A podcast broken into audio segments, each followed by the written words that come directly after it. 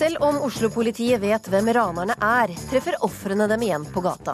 Jeg møtte jo han ene på Norway Cup. Han som trua meg med kniv. Det er hårreisende å sikte de som grep inn da tiåring ble ranet, mener tidligere pengeinnkrever Espen Lie.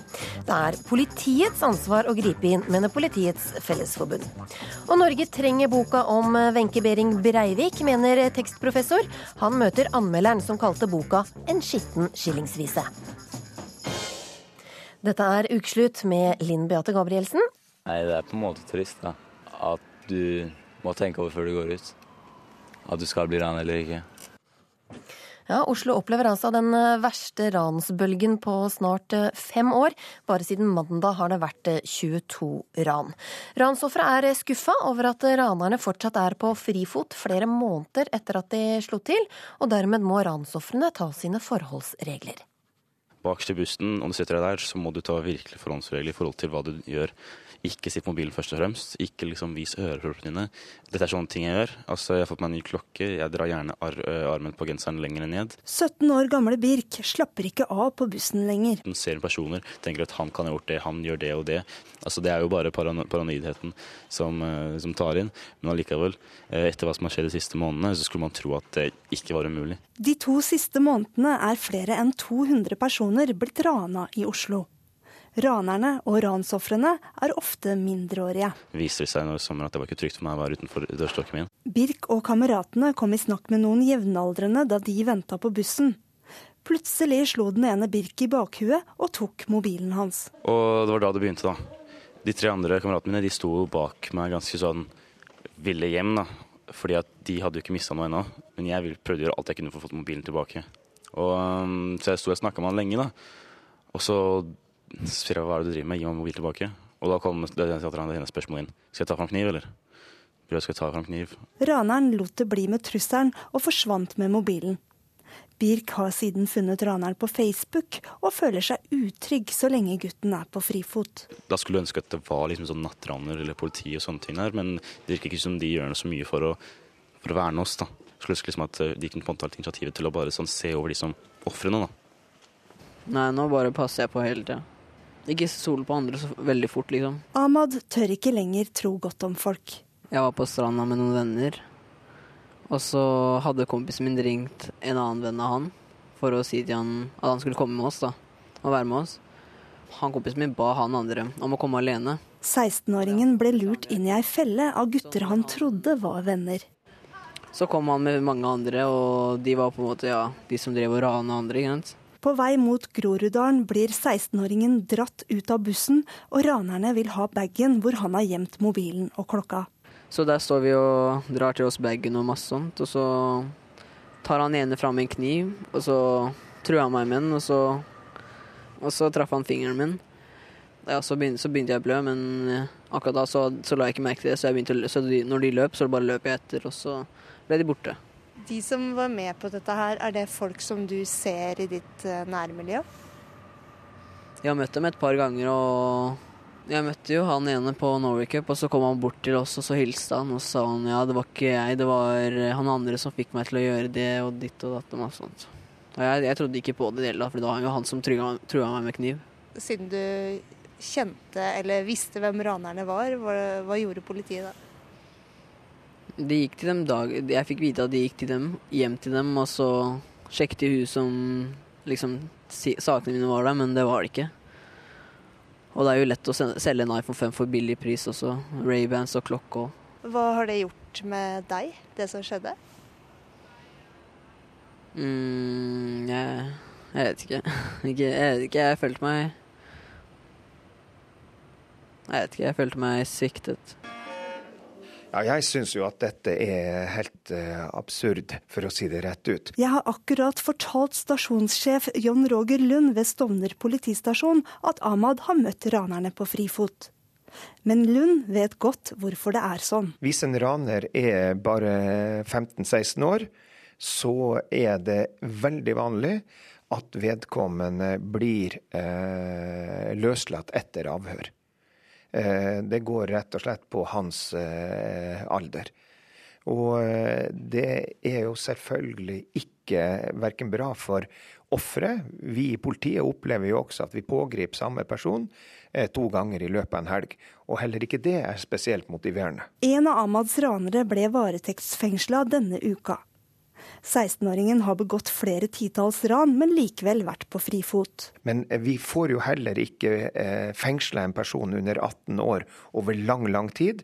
Men i dette tilfellet så har vi da nå bedt om, og kommer til å forsøke å fengsle ham fram til hovedforhandlingen eh, ute i november. Stovner-politiet har mellom 20 og 30 ranere de kjenner til.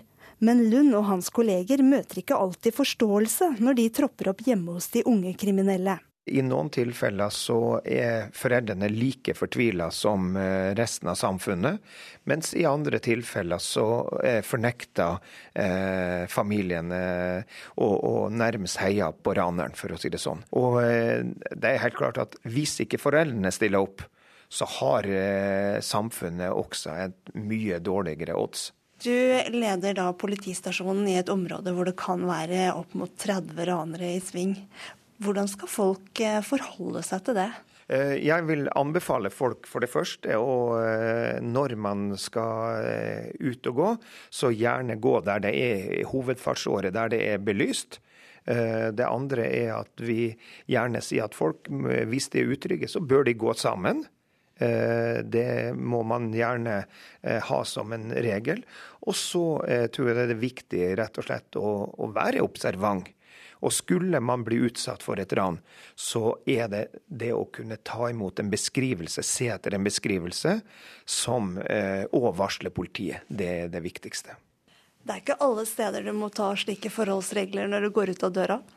Nei, det er ikke det. Men jeg tror det at i en, eh, i en periode nå, så er dette et fokus. Vi hadde voldtektsbølgen for et par år siden. Nå har vi en, en kaller gjerne en ransbølge. Da får vi eh, være gode og hjelpe hverandre og ha fokus på dette. For dette får heller ikke politiet gjort alene. Dette må vi samhandle om. Vi må, eh, vi, må som samfunn si at dette aksepterer vi ikke. Stasjonssjef Lund forsikrer at både Birks og Amads sak blir tatt alvorlig av politiet. Men så lenge de fleste ranerne går fri, tenker Ahmad at han må ordne opp selv. Da dette skjedde med meg, så jeg ble, jeg, jeg ble bare gira til å ta hevn hele tida, men har, aldri, har, ikke gjort det ennå, skjønner du. Det er en av de få følelsene som sitter igjen. Det er vel sinne. Uh, og så jeg tenker stadig på hva jeg skulle gjort annerledes. Birk klarer ikke la være å tenke på ranet. Det var så mye jeg hadde lyst til å, å fucke dem, ikke sant. Uh, å få noen til, til, å ta dem. og... Um, ta dem, eh, ta dem til stasjonen og så gjort noe med saken. ikke sant? Eh, fordi at jeg vil ikke at det skal skje med noen andre igjen. Reporter, det var eh, Kari Li. Hva ville du gjort dersom du så en person bli f.eks. rana? Altså, jeg ville jo ringt til politiet. Hadde ringt til politiet? Gripe inn. Og skal iallfall ikke slå, slå dem i hjel.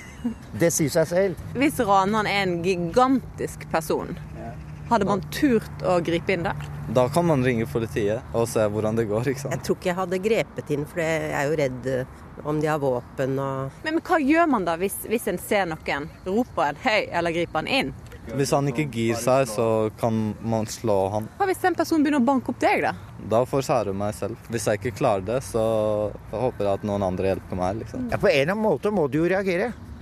Du må jo tenke litt på ditt eget liv òg, kanskje. Altså, det er ikke alle som er født helter. Det har satt uh, sinnet i kok at politiet har siktet 17-åringen som grep inn da hans ti år gamle nevø ble ranet av to menn. Det lå flere tenner igjen på asfalten etterpå, og den ene raneren ble så hardt skada at han måtte opereres på Ullevål sykehus. Og 17-åringen ble siktet for legemsbeskadigelse. Er det riktig av eh, politiet å sikte han som grep inn, syns du? Tidligere leiesoldat og pengeinnkrever Espen Lie?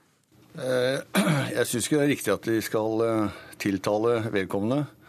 Eh, fordi jeg mener at det må være tillatt å forsvare seg sjøl og eventuelt andre som man ser har problemer. Men hvilket signal gir det da til folk at man risikerer å bli sikta sjøl? Det, det signalet gir, er at ingen vil gripe inn til slutt. Ingen vil ta det skrittet og prøve å hjelpe. fordi i en sånn situasjon så kan det gå galt, sånn som det har gjort her. Og da er man redd for å komme i den, eh, i den situasjonen at man kan bli tiltalt, slik som da den 17 eh, år gamle gutten har gjort. Hmm. Leder i Politiets Fellesforbund, Sigve Bolstad. Hvorfor kan man bli straffa hvis man eh, hindrer en tiåring fra å bli rana? Altså, mitt, mitt, utgangspunkt er at det er statens ansvar å sørge for ro, orden og tilstrekkelig trygghet gjennom tilstedeværelse av, uh, av, politi. Det er alltid utgangspunktet i forhold til også sånne type handlinger som dette. Betyr det at folk ikke skal gripe inn? Det betyr at det er politiets ansvar. Det må det ikke være noen tvil om. Men det jeg advarer litt mot, det er å få et forkjølig samfunn. At man rett og slett ikke bryr seg. Eh, men det går ikke så langt eh, som å si at alle innbyggerne i, i Norge har et ansvar i forhold til å gripe inn. Det kan være helt ulike forutsetninger man har, eh, og, hvordan man opplever ulike situasjoner. Men Politiet har jo fått mange reaksjoner på at 17-åringen er eh, sikta. Skjønner du at folk blir eh, provosert? Jeg har forståelse for at noen ønsker å bistå og hjelpe. Og så er det sånn proporsjonalitetshensyn i forhold til den eh, handlinga som er begått, og det du da gjør i forhold til å, å ta igjen eller beskytte, altså, det, det, må stå i forhold til hverandre.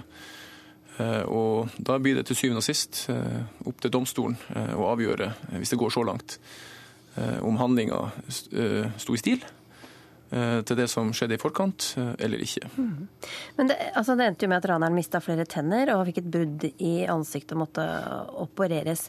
Espeni, da har han kanskje brukt mer vold enn det som var nødvendig for å eh, stoppe ranerne? Det skal ikke jeg uttale meg om hva han har gjort, men det som, i forhold til hva jeg har lest, så er det da at han har de har gått inn og tatt tak i vedkommende, og at de da har fortsatt i etter at han ligger nede. Og det er uakseptabelt. Men man må kunne ha muligheten til å kunne stoppe, og da må man kunne bruke et middel for for å kunne stoppe. Og det er da de fleste bruker armer og bein. Eh, og man vet også ikke hva raneren da har på seg eller med seg i forhold til ranet. Mm. Hvor hardt er det greit å slå, da? Nei, Jeg tror ikke vi skal gå inn på hva som er. Men er, du skal jo da i utgangspunktet, sånn som jeg ser det, uten at jeg sier at det er riktig, men uh, i hvert fall passifisere vedkommende og, og, holde den til da politiet uh, dukker opp. Mm.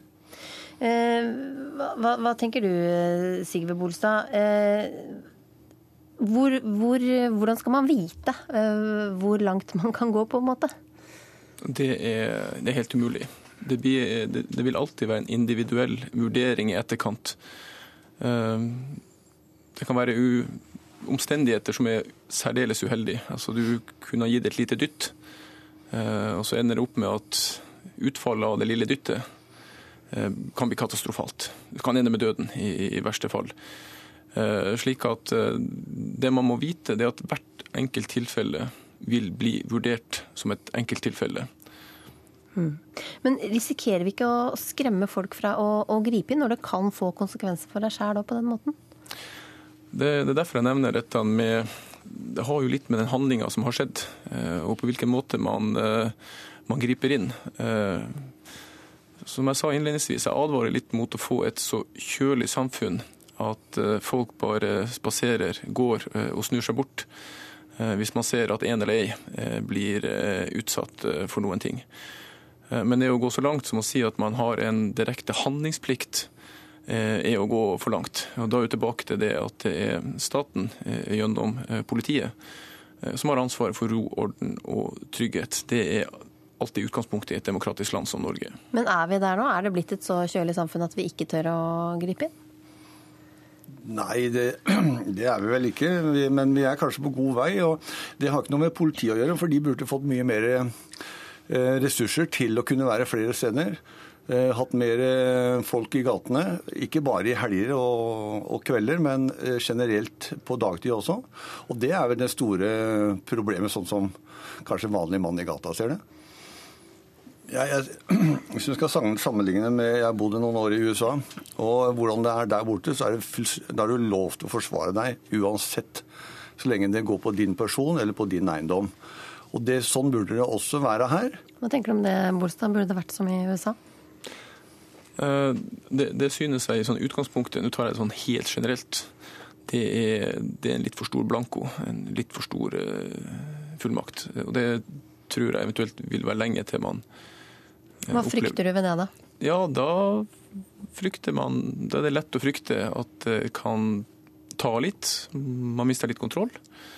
Eh, og at eh, det man gjør i etterkant, ikke står i stil eh, med det som faktisk hadde skjedd. Men helt til slutt da, Hva vil dere råde deres kjente og kjære til å, å gjøre, hvis man blir vitne til noe sånt på gata?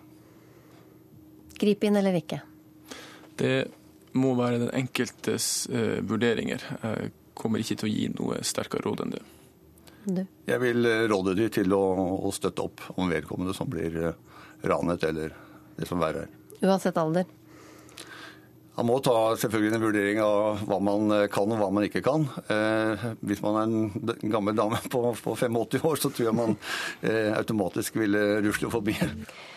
Marit Christensens og Wenche Berik Breiviks felles venninne mener kritikken mot boka 'Moren' er ufortjent. Hun sier til VG i dag at hun kjenner igjen Wenche i alt som er skrevet, og tror ikke venninnen ville reagert på de intime og detaljerte beskrivelsene. Bokhandlene de melder om strykende salg av boka tross all kritikken, men folk reporter Sara Victoria Rygg spurte på gata, er skeptiske. Boikott. Kommer ikke til å lese? Jeg vil ikke ta den med ildtang. Hvorfor ikke? Du får et bilde av en uh, prøvet, uh, ussel, stakkarslig, vil, vil ikke-mor. Og det, det, interesserer meg egentlig heller ikke så veldig. Jeg har jo ikke lest den, men jeg tror ikke jeg kommer til å lese den heller. Fordi uh, nå har jeg jo hørt at det er mye sånn intime historier og Jeg bruker kun MMM. Massemordermonstre. Jeg syns at jeg, jeg synes at jeg får ligge i fred. altså Hele den norske befolkning orker ikke mer av den eh, massemorderen. der. Så føler jeg liksom at det er godt å legge det bak seg på en måte, selv om man aldri kan gjøre det, da. Men det er flere som har kjøpt boka, den er blitt revet vekk fra butikkene. Men den bør ikke ligge under juletreet i år, syns du? Absolutt ikke! Kan kun brukes som ved. Kjell Lars eh, Berge, du er professor i tekstvitenskap og gikk mot strømmen i din vurdering av boka i eh, Kulturnytt. Boka kan kun brukes til ved, hørte vi her. Hvorfor er de skeptiske, tror du? Det selges jo veldig godt, skjønner jeg, så jeg vet ikke helt om disse folkene er så veldig representative. Det jeg hører her, sånn, er folk som er preget av medienes presentasjon av dette, og særlig da en del av journalistene som har omtalt den og vurdert den som, ut fra en del moralske vurderinger. Eh, når jeg leste boka, så var jeg ganske overraska over at den boka var en helt annen karakter enn det jeg fikk framstilt fra en del pressefolk. Så Derfor så la jeg vekt på den som et litterært verk, og presenterte den som det når jeg var intervjuet her i, i morgensendingen i, på torsdag. var det vel. Mm. Men hvordan tar kritikerne feil, mener du? Eh, ja, altså, De har, syns ikke den boka har blitt anmeldt som litteratur. altså Den er jo blitt kommentert av utrolig nok politiske kommentatorer i avisene. Så dette er jo ikke noe politisk verk. Dette er jo rett og slett en ganske personlig og privat skildring av en kvinne og hennes relasjon til Mari Christensen. og hun, altså Virke Berit Breinger forteller om sitt liv. Det er ingen politisk tekst. Det er rett og slett en, en sakprosatekst som forteller en historie om en kvinnes liv og møtet mellom denne kvinnen og Mari Christensen. Mm. Um Mai Grete Lerum, du ga boka terningkast to i, i, i, VG. Og mens Berge mener det er en varm skildring av Wenche Behring Breivik, så kaller du det en skitten skillingsvise. Hva gjør den skitten? Ja, først og fremst så reagerer jeg jo på uh, at intimsfærene brytes. Og det er nesten underlig at vi har lest samme bok, min kollega og jeg her. Og jeg legger også merke til at han kaller det en urimelige vurderinger av den og ikke-litterære. Altså min anmeldelse forholder seg til boka som bok, og jeg f.eks. ser på uh, hastverksarbeid, språklige ting. Jeg uh, fordømmer den ikke på moralsk grunnlag i og for seg, men jeg ser bare ikke helt heller hvilken verdi offentligheten har av, av, et slikt dokument. Eh, likevel så vil jeg jo absolutt uh, gi kred til Christensen for å ha samla inn et slikt kildemateriale som ellers ville ha vært borte med med, med fru Behring Breivik. Men hvorfor får den to? Fordi den er, syns jeg, dårlig skrevet. Altså, det er ikke noe imponerende ved språket. Eh, den er rotete i dramaturgien. Og jeg får, jeg får nesten en sånn samme følelse man får hvis man kjører bil, og så har det skjedd en stygg ulykke på motorveien. Man klarer liksom ikke å se bort, men man vil egentlig se bort. Jeg syns den krenker intimitetsgrensene til ikke bare hovedkilden, men også hele hennes familie.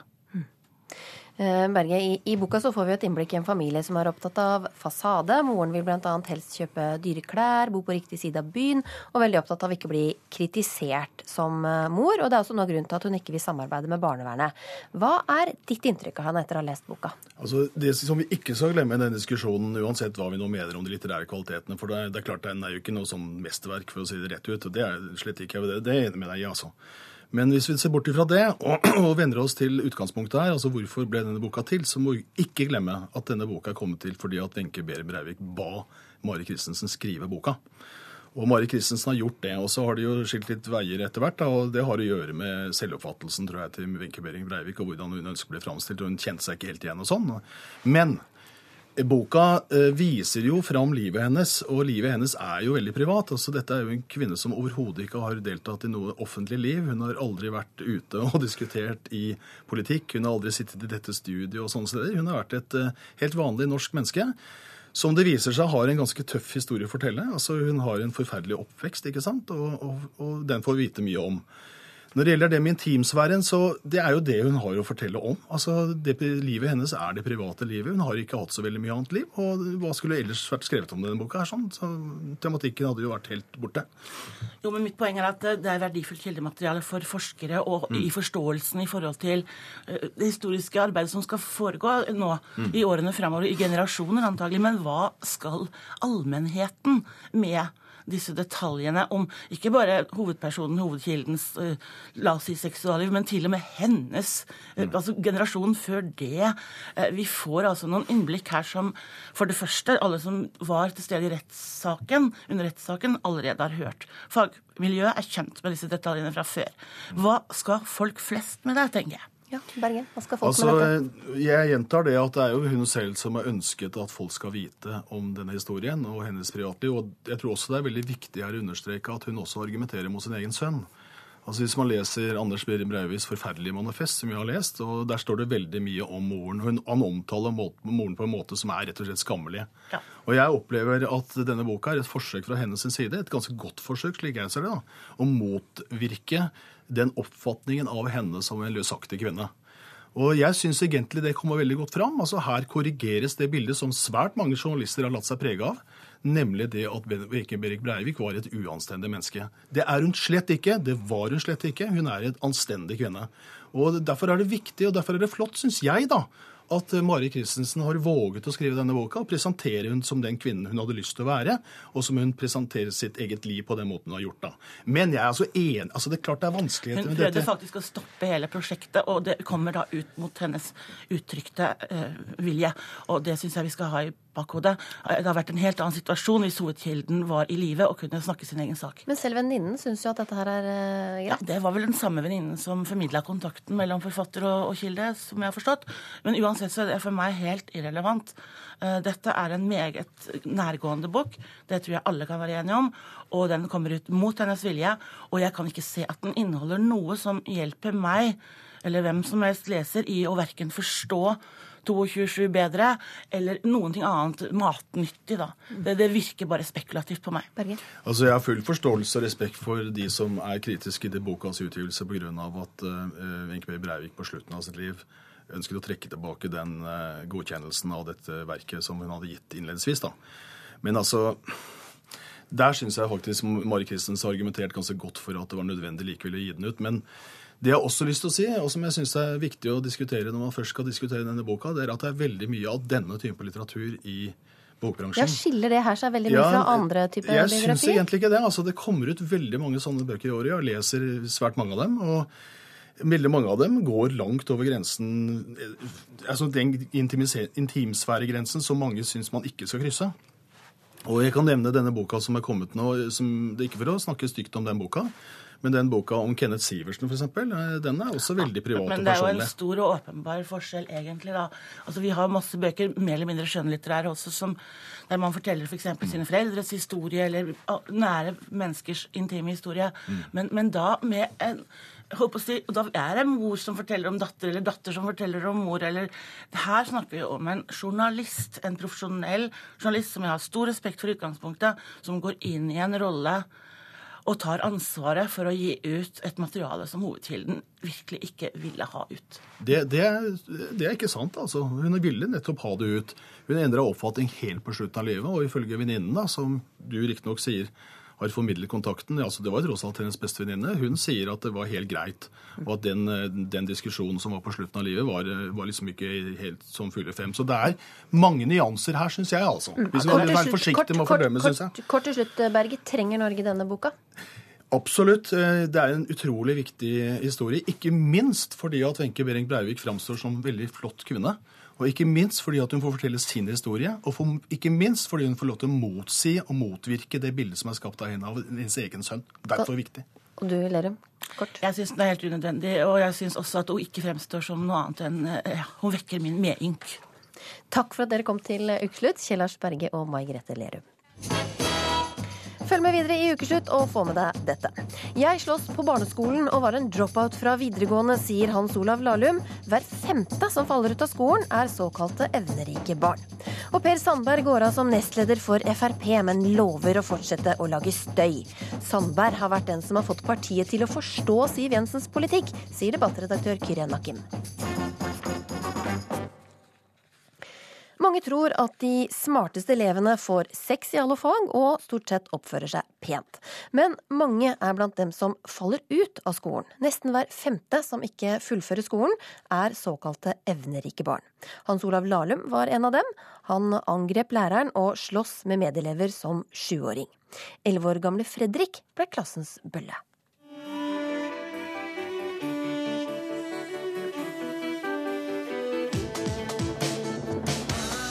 Vinden skriker, lag lyn for nordlyset. Født på hver sin side, så her fins liv, det er noe som vokser i det. Men det spørs om været bærer, blir ikke varmt når du fjerner stjerner.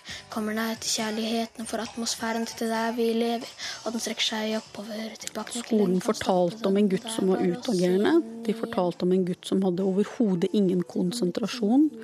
Som um, slåss. bannet en gutt som lå på gulvet og brølte 'jeg hater skolen'. Det er fort gjort å havne i en eh, tanke om at her er det en diagnose. Det havna ganske mye slåsskamper og sånne ting. Det er én ting jeg husker ganske godt. Jeg går helt vanlig, så er det en jente som roper at alle, at alle sånn skal ta Fredrik. Så jeg tar og langer ut, og så treffer jeg hun som sa det, i ansiktet. Jeg kjente meg nok igjen i historien om et barn med eh, sterke intellektuelle interesser som likevel liksom ikke passer inn i skolen, ikke trives der. Og jeg hadde også en kort periode hvor jeg var eh, litt fysisk utagerende. Både overfor medelever og faktisk også i et par tilfeller overfor lærere. Hva var det som skjedde? Nei, Jeg vantrivdes vel såpass sterkt i timen at jeg på et tidspunkt gikk fysisk til angrep på læreren. da. Historiker og forfatter Hans Olav Lahlum husker tiden fra barneskolen som ulykkelig. To til fem prosent av alle barn er evnerike, det vil si én i hver klasse. Barn med sterke akademiske evner, som trenger å fordype seg, som lærer fort og kan bli frustrert av å repetere. Repetisjon det er jeg ikke særlig fan av. Mm, en god del av det vil repetere, det kan, jeg, kan jeg ganske godt. Jeg syns ikke jeg trenger å repetere, men likevel så må vi det jeg prøver jo bare å gjøre det jeg skal gjøre, selv om jeg syns det er kjedelig og sånne ting. Det må jo gjøres. Så Hvis ikke så kan jo lærerne tro at det kan jeg ikke, så må jeg gjøre enda mer repetisjon. Det er liksom, det, da blir det mer kjedelig. Jeg tror jeg gikk i tredje klasse når jeg hadde en lærer som hadde gitt meg en femte-sjette klassebok. Og det var en ganske interessant, utviklende bok. Men når jeg da var kommet midt i boken, så sier jo da læreren at uh, nå får ikke du bruke denne boken mer. Og det, dette er en bok som er for høyere uh, klasser. Og så spurte jeg men når får jeg bruke den igjen, da? Og så svarer han om to eller tre år. Det er fryktelig lenge når du er uh, ni eller ti år og leter etter noe meningsfylt å bruke tiden på her på skolen. Men det er et stort paradoks og et tankekors at man i såpass stor grad ser på det som et problem og ikke en ressurs hvis man støter på barn som har veldig store evner og sterk interesse for enkelte fag. Og det blir et større paradoks i vår tid, fordi i dag så er vi jo mer avhengig enn tidligere av at man senere i livet og studieløpet spesialiserer seg nettopp oppnår spisskompetanse på noe. Samfunnet i dag trenger jo i veldig stor grad ikke folk som kan litt om alt, men folk som er veldig gode på ett område som de fordyper seg på, hvor de kan bidra til samfunnet på en god måte. Lahlum droppet ut av videregående etter to uker. Han tok det opp igjen som privatist. Jeg står jo da både i dropout-statistikken og i den der statistikken for de som har universitetsutdanning på høyeste nivå. Eh, hadde jeg måttet ta obligatorisk matte på andre år på videregående, så er jeg ikke sikker på om jeg hadde fullført videregående. Så sterkt var det problemet i forhold til meg. Det var helt andre fag jeg ville drive med. Jeg opplevde det som ekstremt demotiverende at jeg stadig måtte ha obligatorisk eh, å bruke mer tid på det i fag som jeg likevel visste at jeg ikke skulle studere.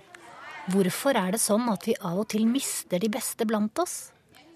Er vi redde for å satse på de med sterke evner som ikke passer inn? Er det sånn at enkelte skoletapere kunne vært vinnere i skolen? Amerikanske studier viser at opp mot 20% av de som dropper ut av skolen, er evnerike. Fredrik elsket barnehagen. Ingen hadde ventet at han ikke skulle takle skolen han som egentlig husket ting og lærte ting lett, han eh, var eh, fryktelig vanskelig å motivere til å gjøre skolearbeid. Eh, lekser var et mareritt, egentlig. Det var veldig overraskende, egentlig. Det var, det var ikke den gutten vi kjente. Skolen skjønte aldri hvorfor Fredrik sloss og ikke tilpasset seg. Ingen tenkte på at også han trengte faglig oppfølging. Plutselig så var han en som banket opp eh, sine med medelever til, til, til, høyre og venstre. Det var noen som drev og kalte meg Stemme-Fredrik når de kom inn i klassen, liksom. Det syns jeg var litt dumt. Noe av det kan ha vært fordi at de kanskje var litt redd for meg, i hvert fall noen. Jeg tror faktisk det viktigste både på lærernivå og på foreldrenivå er rett og slett at man hører etter hva barnet sier, og at man tar det på alvor.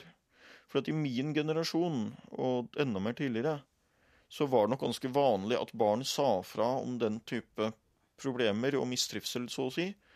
Og at man bare sa at men da må du tilpasse deg og gjøre som de andre.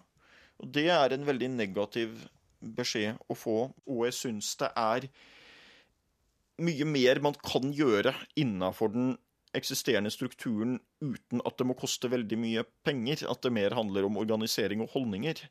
Men å få det helt tilpassa systemet som gjør at ingen elev liksom kan stå der og si at mitt liv ble ødelagt fordi jeg ikke fikk et tilpassa skolesystem, det ser jeg på som en umulighet. Fredrik ble testet hos pedagogisk-psykologisk tjeneste. Han hadde ingen diagnose. Han var bare langt fremme innenfor en del områder. Et såkalt begavet eller evnerikt barn. Nei, Det finnes omtrent ingen informasjon. Vår skole har jo lært en del gjennom eh, foreldre til evnerike barn. Rektor på Kolbotn skole, Anne Hodne Endal, svinger på kontorstolen. Hun har fulgt Fredrik og flere andre evnerike. De, disse barna er ofte ikke så enkle å oppdage heller, fordi ikke de alltid presterer så godt på f.eks. i en prøvesituasjon. Uh, hvis jeg skal jobbe noe sånn helt vanlig, så har jeg egentlig litt lyst til å jobbe i bank. Og så har jeg egentlig ganske lyst til å bli profesjonell rapper, men det er, det er jo ganske vanskelig å få til. da. Det er noen som må finne deg, så må du ha flaks for å få flott kontrakt og sånne ting.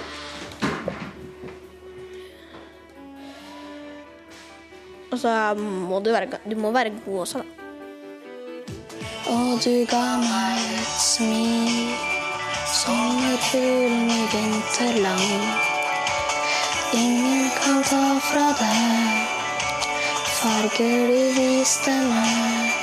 Og må drømmen du har bli sann. Sommer.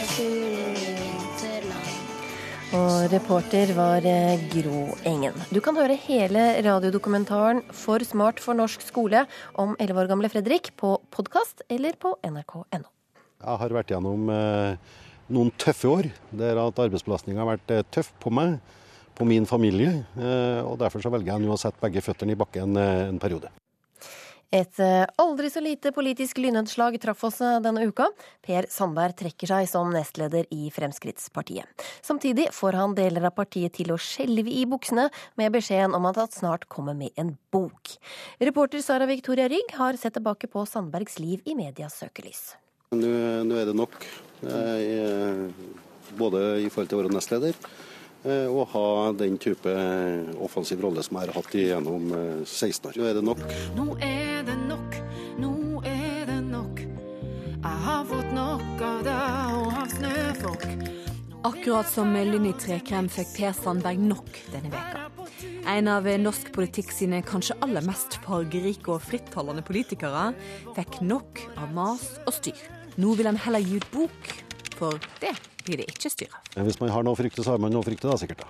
Men eventyret om Per Sandberg og livet hans i media sitt søkelys starta ikke med boklanseringa. Vi spoler litt tilbake i tid.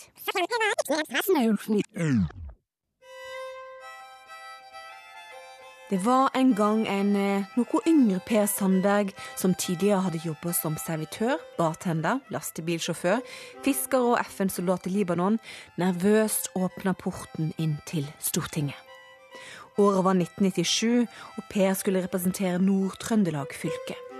Kort tid før hadde han havna i media sitt søkelys da han var dømt for å ha slått ned en jugoslavisk asylsøker som hadde sagt at han var bleik, feit og rik. Han fikk 3000 kroner i bot. Men nok om det. Tilbake til Stortinget. President. Åra gikk, og lille Per markerte seg som en stor politiker. Han var i alle fall stor i kjeften med sterke meninger. Og der i Oslo vil dere ha innvandringsstopp? Ja, vi må ha en innvandringsstopp. Hvordan skal du gjennomføre men- det, Per? Hvordan skal du gjennomføre innvandringsstopp i Oslo? Den er gjeldende i dag, 1977. Bare, at- bare at når de kom I i 1997, så ødela Bondevik I det, for da åpna de dørene sammen med Venstre. Men Men la meg nå fortsette i forhold til det med det Per Sandberg ble raskt pressa sin yngling. For Uansett hva Per Sandberg skriver, så blir det støy, vet du. Eller uansett hva Per Sandberg sier også, så blir det støy. En får være som en er da nitte vart som en sku. Inni er vi like både je og du. En får være som en er da nitte vart som en sku. Ingen er da helt perfekt. støy ble det også da han gikk på Stortingets talerstol med tre akevitt og én øl innabords, og holdt et flammende innlegg for norsk landbrukspolitikk. Men eh, president, jeg kan berolige representanten Klungland med det at eh, ja, ut ifra det at jeg, jeg føler at jeg har bedre kjennskap til tillitsvalgte og folkevalgte i Fremskrittspartiet enn Klungland har, da, så er vi i meget godt humør. Dette skjedde knappe to uker etter at Frp-toppen var dømt for råkjøring. Og Per Sandberg han var trist og lei. Jeg syns at mine kolleger på Stortinget fortjener å, å få en eh, beklagelse fra meg. Jeg er jo en gladgutt, egentlig. Og det er klart at Når du mister litt av gleden og motivasjonen for å holde med politikk, så blir det det også berører berøre deg når du skal ta fatt igjen. Det store spørsmålet nå er hvem som tar over etter Gladgutten. Blir det en like tydelig og fargerik type som Per? Hvem veit. Uansett, snart kommer boka til Per Sandberg.